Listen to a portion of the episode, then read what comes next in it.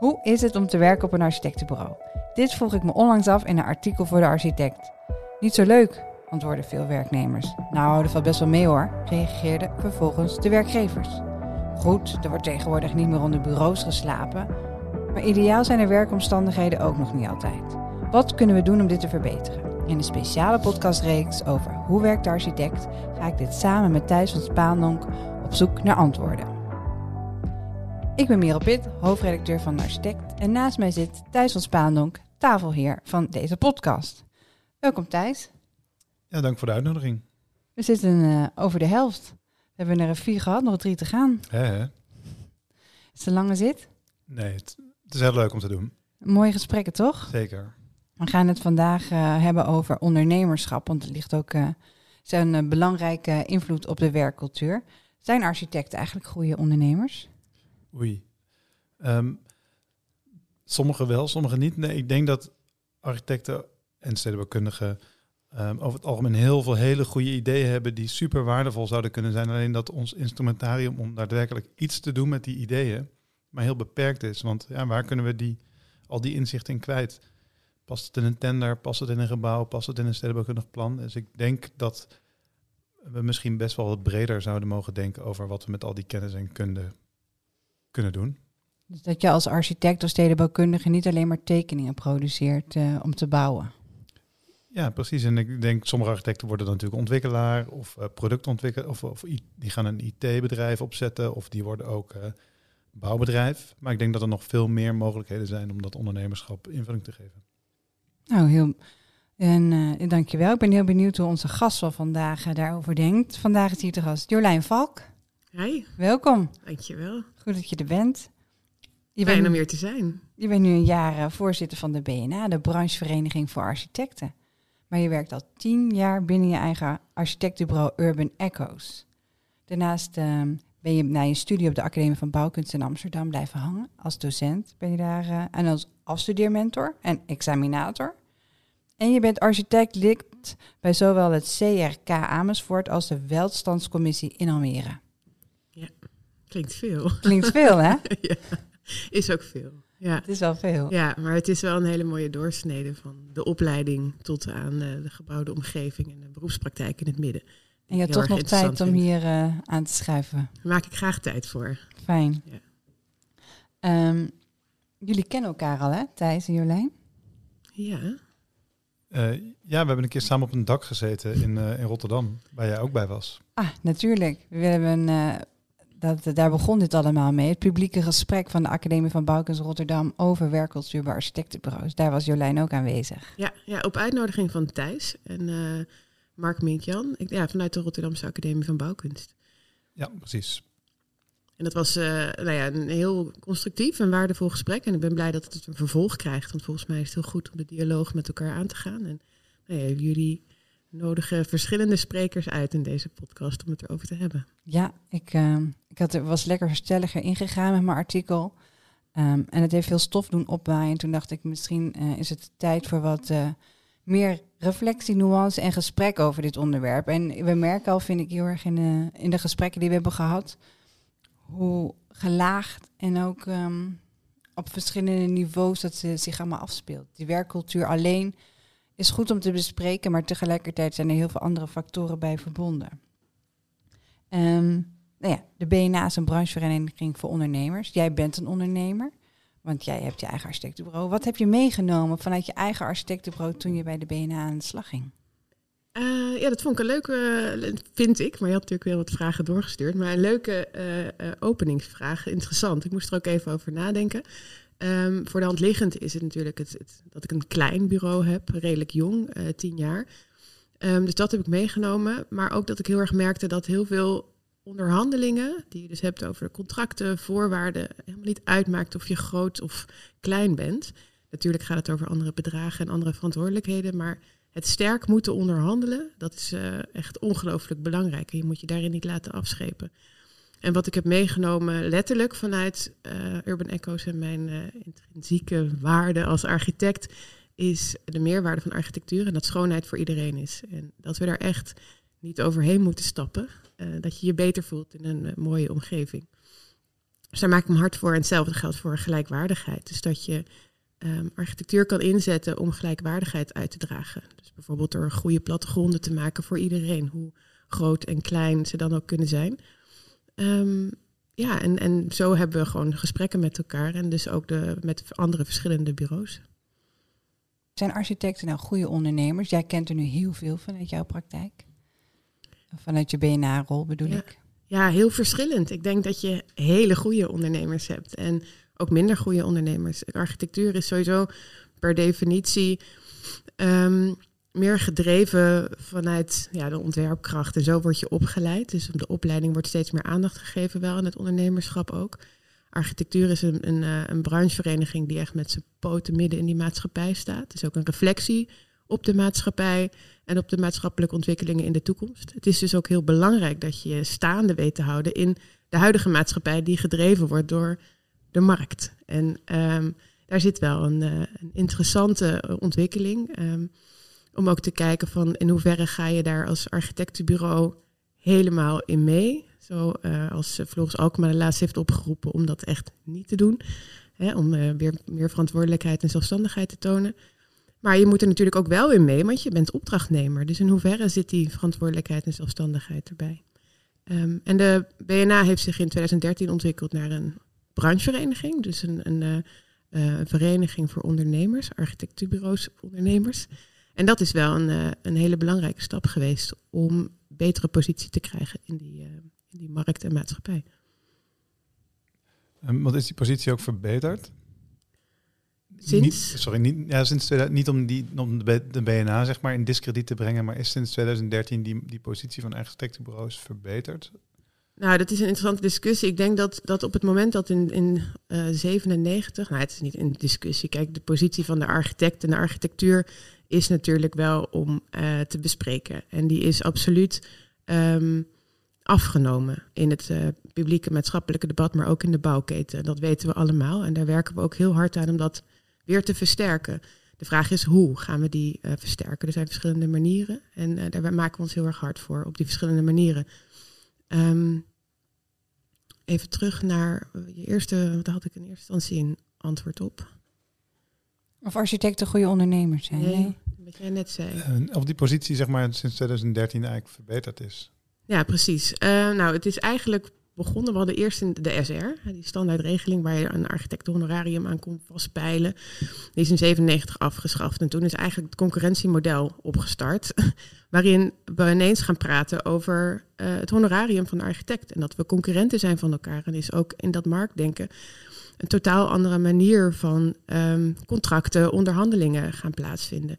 Het is heel erg uh, zoeken naar op welke manier we dat ja, nu weer moeten aansterken. Want het is wel zo dat we de klap hebben gehad in de economische crisis. En die zijn we nog niet te boven gekomen, uh, ook in die positie niet. En ik denk wel dat van 97 tot de economische, crisis best een goede tijd is geweest voor architecten en architectenbureaus. Um, de maatschappelijke ja, ontwikkelingen veranderen steeds. En daarin moeten we als branche ook heel erg in meebewegen. Um, en we hebben ook wel als BNA daar verschillende um, documenten en manifesten voor geschreven. Dus een manifest voor beter aanbesteden, um, een richtlijn gezonde architectenselecties, uh, evenwichtige architectenselecties. Dat zijn echt hele belangrijke documenten die je ook tot je kan nemen en je daar ook aan kan houden. Um, als, als opdrachtgever dan, zou ik kunnen zeggen? Als opdrachtgever, ja. ja. En het vraagt ook aan uh, van de architectenbureaus. Uh, om je opdrachtgever dat dan uh, mee te geven? Ja, ja het, echt het gesprek aan te gaan en duidelijk te maken van wat er is. Wat dus de, de goede uh, richtlijnen zijn. Op welke manier je op de juiste manier een opdracht neemt. eh, wat de juiste contracten zijn. Ehm, maar ook als er ehm, ja, onredelijke architectenselecties worden uitgevraagd door gemeentes of opdrachtgevers. Om er toch wel echt brieven over te schrijven of melding van te maken. Omdat, Gebeurt dat veel nu? Ja, veel. Nee, maar het gebeurt wel. Uh, veel is natuurlijk altijd een beetje relatief, maar het gebeurt wel. En dat werkt ook wel.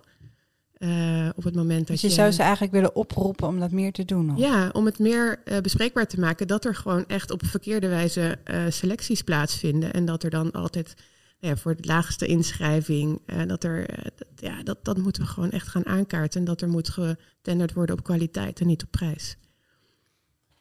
Um, de eerdere gesprekken zeg maar, die we hadden in, in in, in, het kader van deze podcast. Die, um, in, elk, in elk van die gesprekken merkte ik dat het ging over een soort zoektocht naar hoe kunnen we met elkaar ruimte creëren om uh, na te denken over wat je wilt doen, om uh, uh, na te denken over wat voor ondernemer je zou willen worden, maar ook om in projecten ruimte te vinden om het experiment aan te gaan, om na te denken over hey, wat voor soort school moet dit worden, wat voor soort um, woningen zouden dit moeten worden.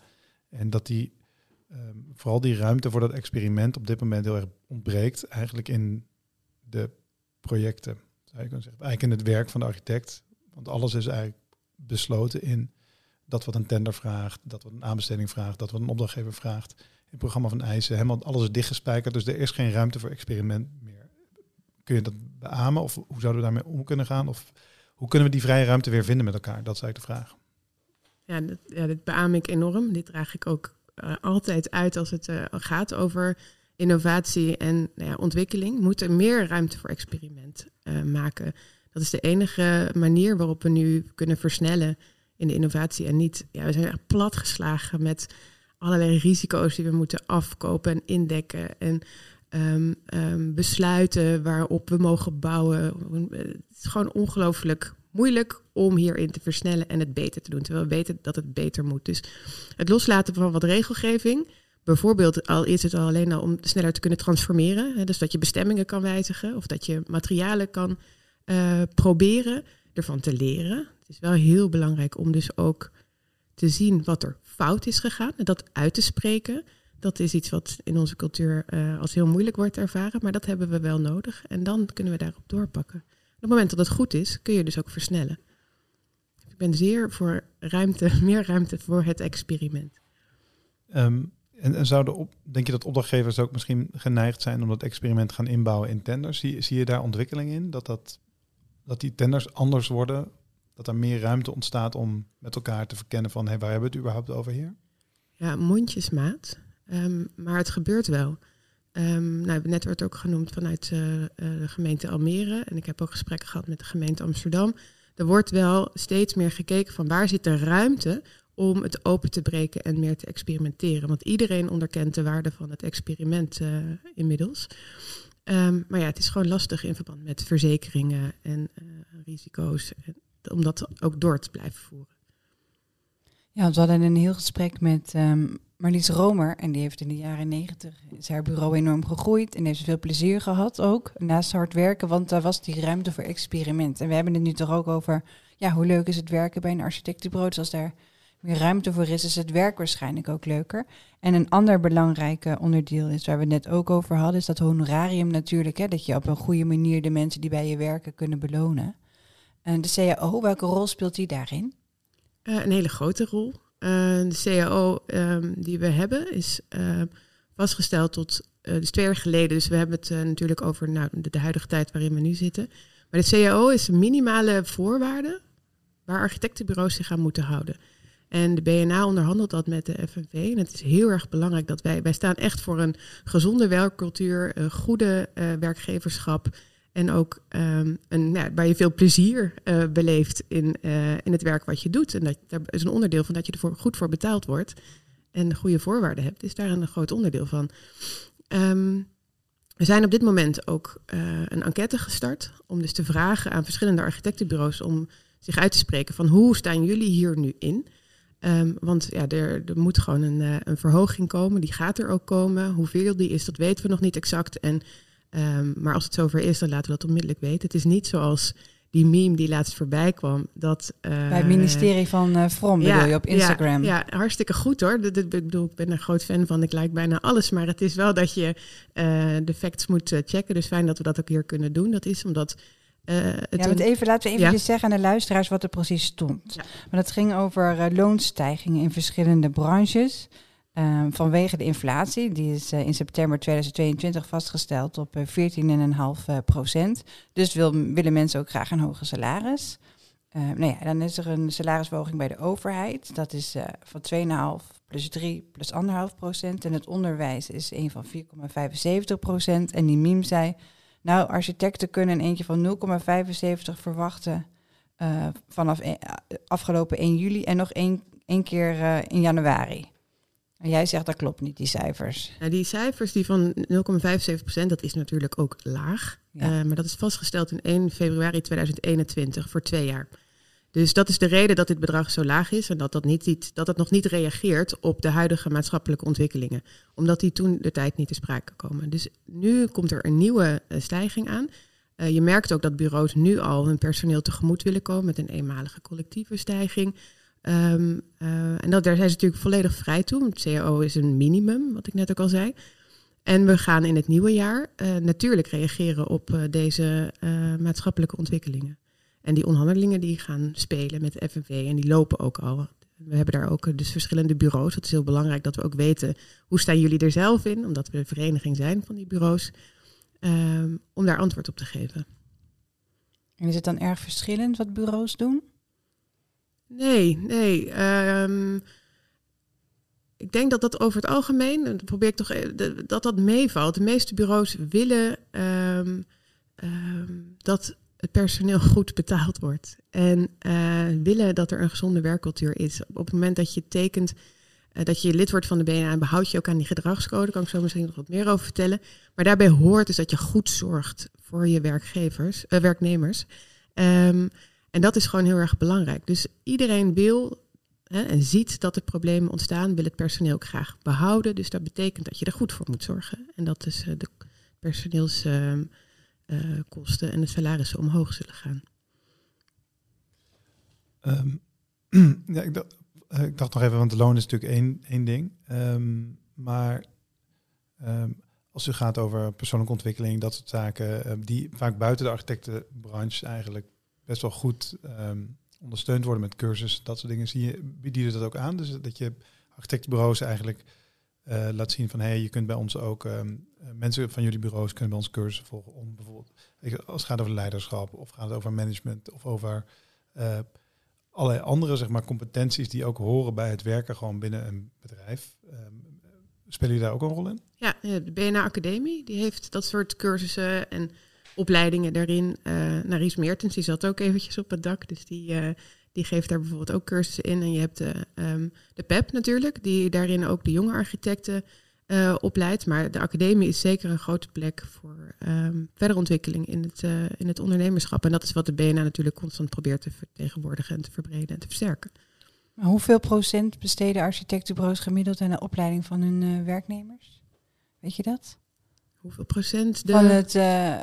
eh, ehm, Nou, de, het, ehm, dat is eigenlijk in alle eh, vakgebieden zo. Dat is bij ons helaas niet anders. Is dat er relatief weinig tijd wordt besteed aan opleiding en ontwikkelingen. Maar de academie is wel goed bezocht en er wordt wel veel gebruik van genomen. Ehm, nee, je zegt van eh, eh, ook in andere branches is het zo dat, dat, dat, die, ehm, dat er weinig tijd aan opleiding wordt besteed. Heb je een idee zeg maar, hoe onze branche of onze sector zeg maar, ervoor staat als het bijvoorbeeld eh, vergelijkt met ehm, bijvoorbeeld ingenieursbureaus, iets waar we natuurlijk dicht tegenaan hangen soms. Eh, doen we het dan beter of minder goed? Of ehm, eh, lopen zij voorop in die ontwikkeling of lopen wij voorop? In welke ontwikkeling? Nou, bijvoorbeeld het, het opleiden van mensen, het, het, het aanbieden van trainingen, zeg maar. Dus de tijd die, of de tijd die we met elkaar vrijmaken om ehm, onszelf op te leiden. Dat weet ik niet. Ik kan niet zeggen of, of dat vanuit de ingenieurs, dat daar betere, meer opleidingen worden bezocht dan bij ons. Daar heb ik geen, eh, geen zicht op. Wat ik wel weet is dat als je het dan hebt over vooroplopen en van verenigingen, is natuurlijk dat onze branche, hè, dus de architectenbranche, stedenbouwkundigen en landschapsontwerpers, ruimtelijke ontwerpers, die staan met een poten midden in de maatschappij. En architectuur is een afspiegeling van die maatschappij en laat ook een toekomstig beeld daarvan zien. Dus ik geloof wel dat de architectenbranche daarin een voorop, voorop loopt om te zorgen dat je van maatschappelijke waarde bent. En dat altijd die constante link met ontwikkelingen in de maatschappij ehm, als een van de eerste meespeelt. En je zei het eh, over die gedragscode. Als brancheorganisatie ben je eh, dus eh, verantwoordelijk dat de aangesloten bedrijven zich daarna gedragen. Of tenminste, die teken je.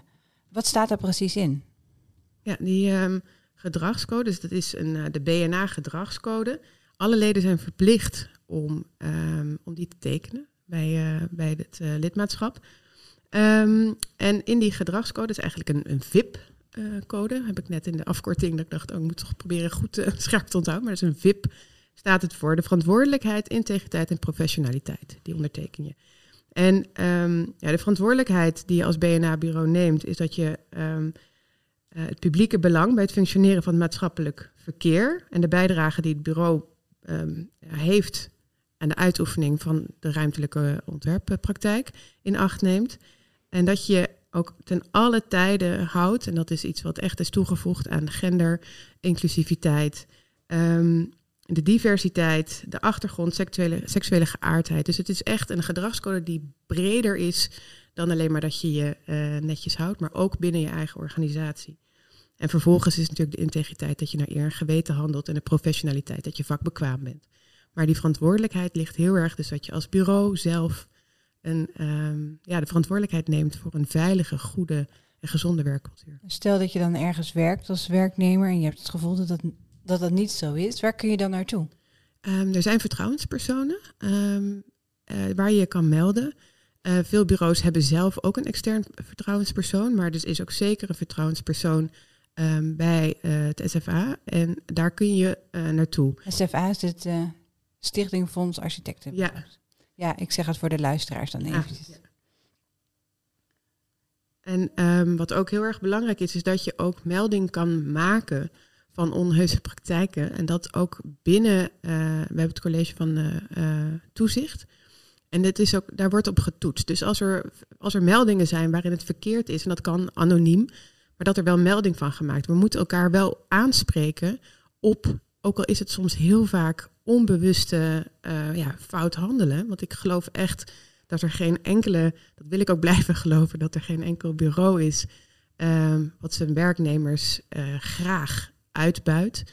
Um, uh, aangesloten bij de BNA. Maar dat het dus wel echt heel erg belangrijk is dat op het moment dat je dat wel merkt, ook buiten de BNA, dat je je daar melding van maakt. En dat we het gesprek met elkaar daarover voeren. Want het is wel heel erg belangrijk dat je dus ook in de spiegel kijkt um, van wat er speelt. En dat je luistert naar je werknemers. En luistert naar uh, de mensen om je heen. Um, ja, ik, zat nog even de, uh, terug te denken aan de, opmerking die je maakte over dat uh, stuk wat Floris Alkema eigenlijk, uh, of de oproep die hij deed, van we moeten weer los van die markt, we moeten juist, we moeten uit die markt, zeg maar, want het marktdenken maakt ons, maakt dat we niet meer eigenlijk die maatschappelijke verantwoordelijkheid kunnen nemen. Um, moeten we um, dan niet massaal met elkaar dan um, uh, de, de, de, weer de straat op zeg maar actie gaan voeren? Moeten we dat branchevereniging ook maar niet, uh, je, want dat is veel te veel marktdenken. Moeten we niet weer gewoon bond Nederlandse architecten worden? Uh, waar solidariteit met elkaar zeg maar weer het hoogste goed is. Mo moeten we niet radicaler zeg maar daarin op gaan treden? Ja, ik hou enorm van wat meer radicaliteit en ook activisme.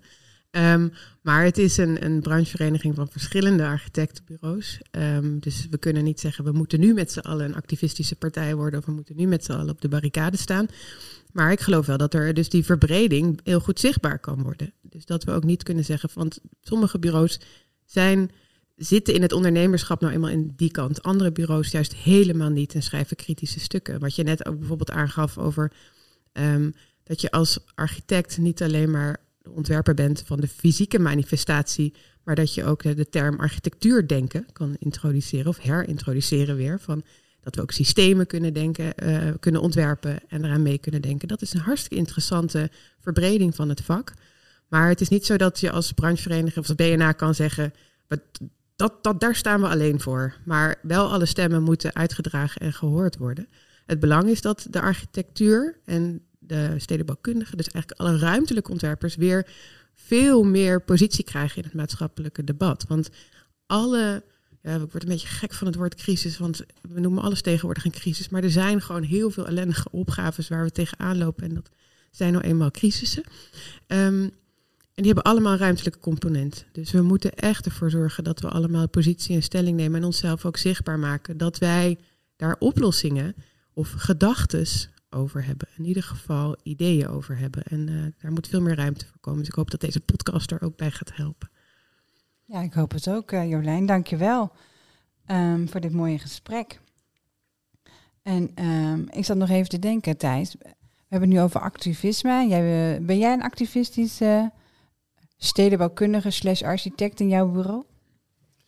Ehm, meer eigenwijs dan activistisch, denk ik.